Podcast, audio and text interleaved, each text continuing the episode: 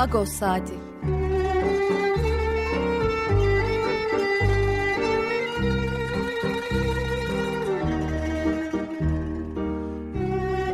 Haftalık Agos gazetesinin penceresinden Türkiye ve Dünya gündemi. Agos'un mutfağından haberler, söyleşiler, olaylar.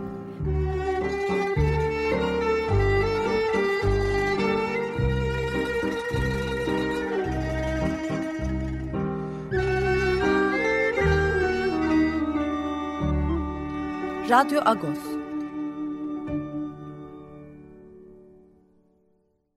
Evet, Radyo Agos devam ediyor. Bu bölümde HDP milletvekili, Diyarbakır milletvekili Garo Paylan konumuz. Garo Paylan e, 3-4 gündür e, aşağı yukarı Adıyaman'da gece gündüz arama kurtarma çalışmalarını takip ediyor, e, yardım etmeye çalışıyor. Günaydın Garo Parlus. Parlus Yeto, günaydın. Seninle sık sık konuştuk. Ee, sen de arabada yatıp kalktın ama bugün dün gece artık Diyarbakır'a e, birkaç saat dinlenmek için geldin. Seninle şu an Diyarbakır'dan bağlanıyoruz ama gene gideceksin Adıyaman'a. Doğru mu biliyorum? Şöyle Yok hayır. İki gün e, Diyarbakır'daydım. İki gün Malatya'da kaldık. İki gün Adıyaman'daydık. Bugün Diyarbakır'da olacağım. Yarın tekrar Adıyaman'a geçeceğim.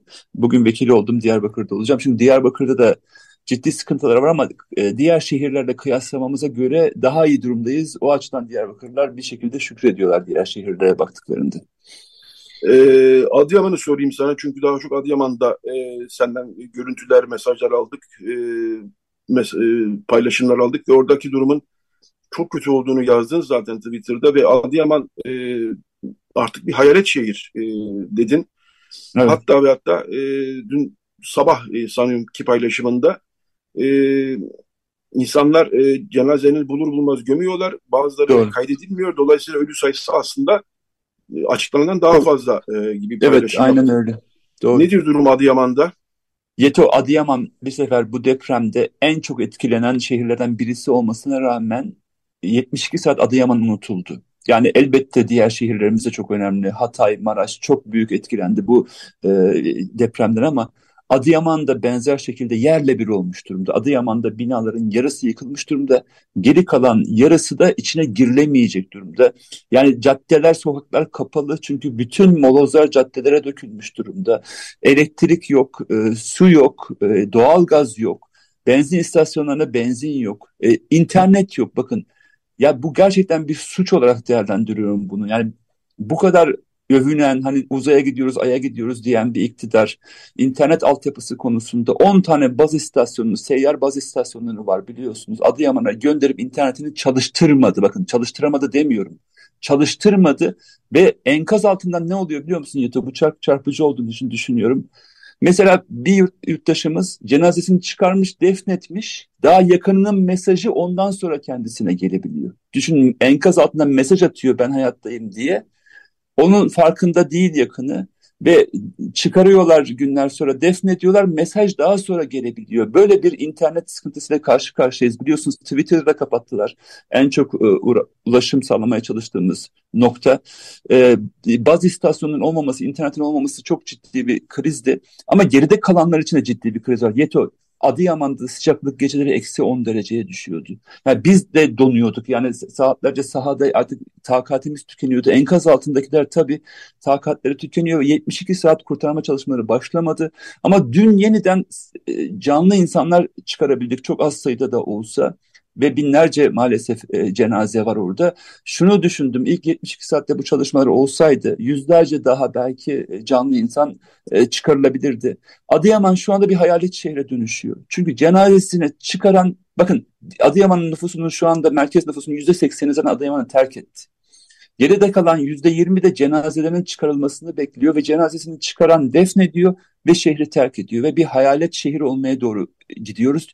Çünkü Adıyaman'da yaşama şansı artık yok. Yani çadır kentlerde kurulmuş durumda değil. Çadır da olmadığı için geride kalanların barınma imkanı söz konusu değil. Arabaların içinde e, kalanlar e, gecelerini geçiriyorlar. Arabalarda da benzin bitiyor ve ciddi bir soğuk ve donma kriziyle bu anlamda e, karşı karşıyayız diyebilirim.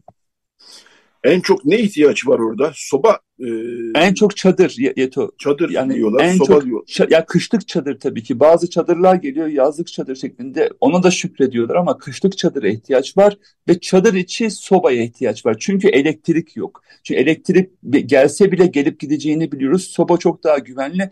Bunun, bunun yanında sobanın yakacağı odun ve kömüre ihtiyaç var. Yani en temel ihtiyaç bu. Emin olun gıda fazlası var şu anda Adıyaman'da. Yani Adıyaman'a şu anda lütfen hani bu tabii ki bir hafta sonra yine lazım olabilir ama şu anda gıda fazlası var. Niye Adıyaman nüfusunun %80'i göç etti? Ama geri kalan %20 dediğimiz kişi merkezde 100-150 bin insandan bahsediyoruz. Ve bunların şu anda barınma yer, yeri yok. Yani çadıra ihtiyaçları var, sobaya ihtiyaçları var, kömür ve oduna ihtiyaçları var. Bunun yakında aşev, yanında aşevleri kuru, kuruluyor. İnsanlar aşevlerinden çorbalarını içiyorlar ama en temel sorun barınma ve ısınma.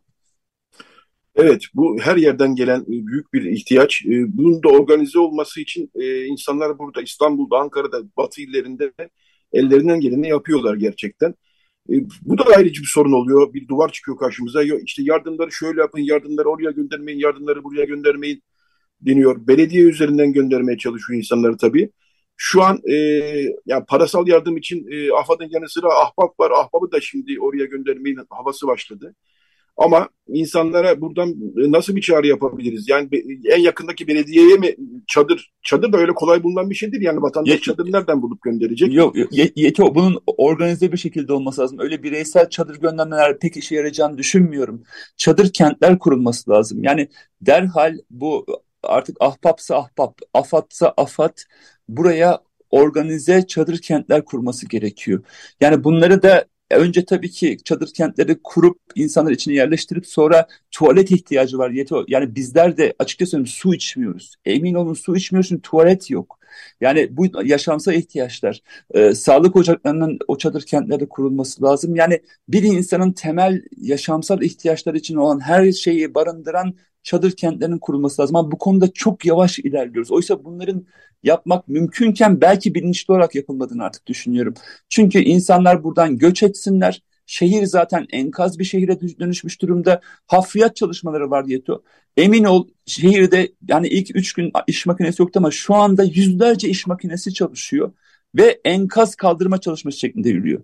Ve ben çok e, kötü görüntülerle karşı karşıya kaldım. Yani enkazın insan bedenine o kepçenin daldığını ve insan bütünlüğünü parçaladığı görüntülere maalesef e, maruz kaldım. Çünkü artık e, arama kurtarma faaliyeti değil enkaz kaldırma faaliyeti sürüyor ve belki de canlı insanlar o kepçelerle öldürülüyorlar şu anda. Çünkü arama kurtarma faaliyeti bir kenara bırakılmış durumda. Bir an önce enkazı kaldıralım diyorlar. İnsanlar şehri boşaltsın ve bu enkaz kaldırılsın. Biliyorsunuz e, iktidarın da tek önerisine TOKİ'yi sokacağız, yeniden bina yapacağız diyorlar. Yani bu, bu oysa bu şehirlerin insansızlaşmasına karşı durmak gerekir. Bu insanların burada ekili tarlaları var bir yaşamları var. Büyük şehirlere gidecekler ve yeni bir sefaletle karşı karşıya kalacaklar. Belki akrabaların yanına sığınacaklar ama zaten yoksul olan akrabaların daha da yoksul, daha da büyük bir yoksulluğa ve yoksulluğa mahkum olacaklar. O açıdan çadır kentlerde eğer iyi imkanlarla yapılırsa bu insanlar burada barınabilirler. Tarlaların, tarlalarını en azından ekebilirler, hayvanlarını güdebilirler ve yaşamsal ihtiyaçlarını karşılayabilirler. Ama böyle bir maalesef bakış yok. İşte bir yıl sonra TOKİ evleri yapacağız diyorlar. Başka bir de vizyon yok maalesef bu anlamda. Ee, ben ilk bir iki güne dönmek istiyorum e, Garopay'dan. Evet. Ee, yani şu da söyleniyor bir taraftan ya 10 kentte birden oldu. İşte devletin bu konuda e, o koordine olması zaten çok zordu gibi e, şeyler söyleniyor. Bu hakikaten koordinasyonsuzluktan mı oldu yoksa hazırsızlıktan mı oldu yoksa ikisi Ye- birden mi? Yeto bir, bir felaket senaryomuz yok yokmuş. Yokmuş yani. Kesinlikle bir, bir saatli bombaların üzerinde oturuyoruz. Bakın şu anda İstanbul'da yaşayanlar için de söylüyorum. Bir saatli bombanın üzerinde oturuyoruz. İstanbul'da yarın bir afet olabilir, deprem olabilir. İstanbul'la ilgili bir afet planımız var mı? Maalesef yok. Yani oysa insanları örgütlemeliydik. Yani her mahallede bir arama kurtarma e, ekibi mutlaka olmalıydı. Arama kurtarma konteyneri olmalıydı. Bakın şunlarla karşılaştık. Ya gözyaşlarıyla insanlar Adıyaman'da şunu anlatıyorlar. Çocuğum, evladım, anam, babam oradan bağırıyor diyor. Ya kıracak bir aletim yok diyor. Tırnaklarımla kazımaya çalışıyorum betonu. E, tabii ki ne yapabilirim ben diyor. Bir vinç olsa, bir alet olsa, bir kaldıraç olsa o insanı çıkarabileceğim diyor. Günlerce haykırdılar kurtarın bizi, kurtarın bizi diye ve sonra soğuktan donup öldüler. O kadar çok cenaze gördüm ki tek bir yarası yok ve insanlar don, donarak hayatlarını kaybetmişler orada. Oysa ilk 24 saatte 48 saatte o insanlar örgütlü olsaydı arama kurtarma eğitimi olsalardı orada bir arama kurtarma konteyneri olsaydı o insanlar o, o arama kurtarma konteynerlerle çıkarabilirlerdi. Çünkü merkezden ekip beklenerek insan kurtarılamaz. İlk 24 saat 48 saatte kurtarma esastır. Maalesef böyle bir hazırlığımızın olmadığını gördük. Ve insanlar orada gerçekten ben daha oradayken herkes kolumuzdan bacağımızdan çekiyor. Orada bir Ermenistan kurtarma ekibi de var. Onları da diğer İspanyol, e, Meksikalı diğerlerini de ben koordine ettim emin olun. Çünkü bir koordinasyon sıkıntısı var. Bir başı bozukluk var. Bir savcı geliyor benim yakınımı kurtaracaksın diyor. yakını ölmüş Beni onu çıkaracaksın. Ya orada hayatta olanlara öncelik vermek gerekir diyoruz. Maalesef böyle basınçlarla karşı karşıya kalıyoruz. Bir siyasetçinin yakınının çıkarılması için ekipler gönderilirken canlı insanlar haykırırken ekipler gönderilmiyor. Böyle bir başı bozukla karşı karşıyayız. Bunun için yapılması gereken halkın örgütlenmesidir. Hani ders çıkaracağız diyoruz, çıkaracağız diyoruz ama hiç ders çıkarmıyoruz. Esas olan halkın örgütlenmesi, halkın elinde yeterli malzemelerin olması, eğitimli grupların olması ve ilk 24 saatte mümkünse 48 saat içinde o yakınlarının çıkarılması ve şunu da söyleyeyim şu anda gerçekten bir enkaz kaldırma çalışmasına dönmüş durumda. Arama kurtarma faaliyeti bir kenara kondu çünkü yakınlarının da takatı gitti. Bunu görüyorum. Artık bize ne olursunuz cenazemizi verin diyorlar. Yani belki kurtarma umudu olacak ama cenazemizi verin diyor ve şunu söyleyeyim kepçeler insanlar kendileri getiriyorlar, kendileri kazıyorlar. E tabii ki çok derece son derece ölümlere sebebiyet veriyorlar. Büyük bir örgütsüzlük, büyük bir başıbozuklukla karşı karşıyayız gerçekten. Evet, bundan e, ben çok gördüm açıkçası yayınlarda. İnsanlar kendi para toplayıp vinç kepçe getiriyorlar. Fakat kepçeyi de e, bir uzman ekip olmadan çalıştıramayacakları için kimleri kepçe ve vinç oradayken öyle bekliyorlardı. Kurtarma ekibi, yani uzman ekip bekliyorlardı. Kimileri artık bekleyemeyip kendi kendine çalıştırmışlar. Ve bu durumda da tabii e, enkaz altındakilerin hayatına yaşıyoruz. Her hayatına mal olan bir durumla karşı karşıyayız. Evet Yeto. Yani aynen öyle. Yani bakın uzman ekipler gerçekten çok titiz çalışıyorlar. Özellikle yurt dışından gelen bu Ermenistan'dan gelen ekip son derece profesyoneldi. İspanyol ekip, Meksikalı ekip hepsinde şahit oldum. Pakistanlı ekiple çalıştık birlikte.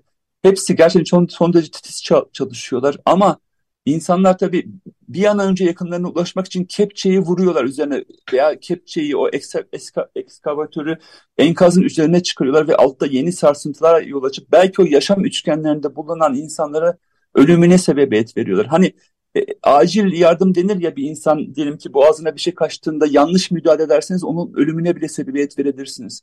O yüzden eğitimli bir insan ilk yardımı yapması gerekir ya aynı şekilde eğitimli bir insan e, arama kurtarma faaliyetini yapması gerekir ama mesela yalnızca Adıyaman'da 2000 tane enkaz var. 2000 tane enkaza karşı yalnızca 30 tane arama kurtarma profesyonel ekibi var.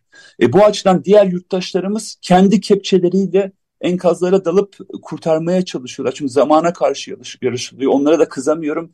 Ama e, çaresizce ve dün gerçekten e, bu konuda onlarca yüzlerce yurttaşımız düşünün AKP'nin yüzde 65-70 oy aldığı bir şehirden bahsediyoruz.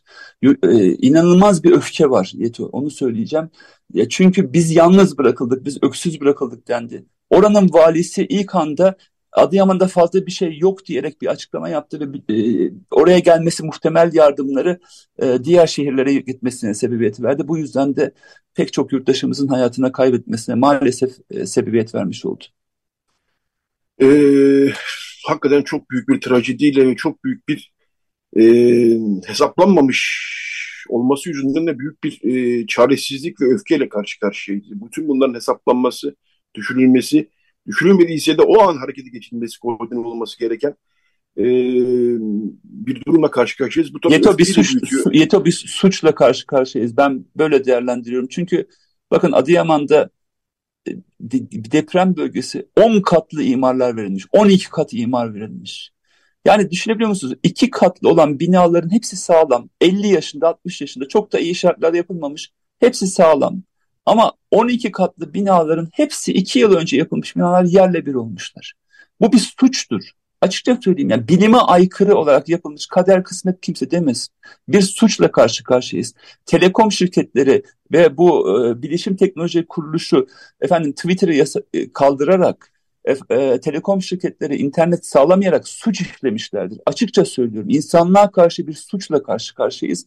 Ya neyse bugünlerde bu enkazlarımızı kaldıracağız, yaralılar cenazelerimizi gömeceğiz ama bu suçla mutlaka yüzleşmemiz lazım. Aksi takdirde yüzleşilmeyen her suç tekrarlar. 1999 depremdeki suçla yüzleşmediğimiz için bugün bu felaketi yaşıyoruz. Eğer bununla yüzleşmezsek yakında olması kuvvetle muhtemel Büyük İstanbul depreminde yine yüz binlerce cenaze kaldıracağız. İşte bu suçla yüzleşelim ki bir daha aynı suçlar tekrarlamasın. Peki Garo, Garo Paylan konuğumuzdu. Çok teşekkür ederim. Yani bu kadar sıkıntının koşturmacanın içinde bize de bağlanma imkanı buldun. Çok teşekkürler Garo. Sana kolay gelsin. Sağ olasın. Diyorum. E, metanet diliyorum. E, ne diyeyim vallahi yani insanların diyecek bir şey de bulamıyor. İşin gerçeği bu ama hepimize kolay gelsin. Hepimize metanet diliyorum. E, orada hayatını kaybedenlere tekrar buradan e, rahmet diliyorum. Yakınlarına başsağlığı diliyorum. Sabır diliyorum ve güç diliyorum. Evet, e, yardım faaliyetleri içinde sen söylediğin son bir cümle, ben de onu söyleyeyim bu bölümü kapatırken. Çadır lazım, soba lazım. E, kömür odun lazım. Kömür odun lazım. Bu üç e, ihtiyaç, her yerden bunları duyuyoruz. Bu üç ihtiyaç öncelikli, buna göre örgütlenmek gerekiyor, buna göre çalışma yürütmek gerekiyor. Galopaylan çok teşekkür ediyorum yine katıldığın için tekrar. Teşekkürler. Hepimize Kolay gelsin. Tekrar zaten seninle zaten irtibatta olacağız. Sağ olun.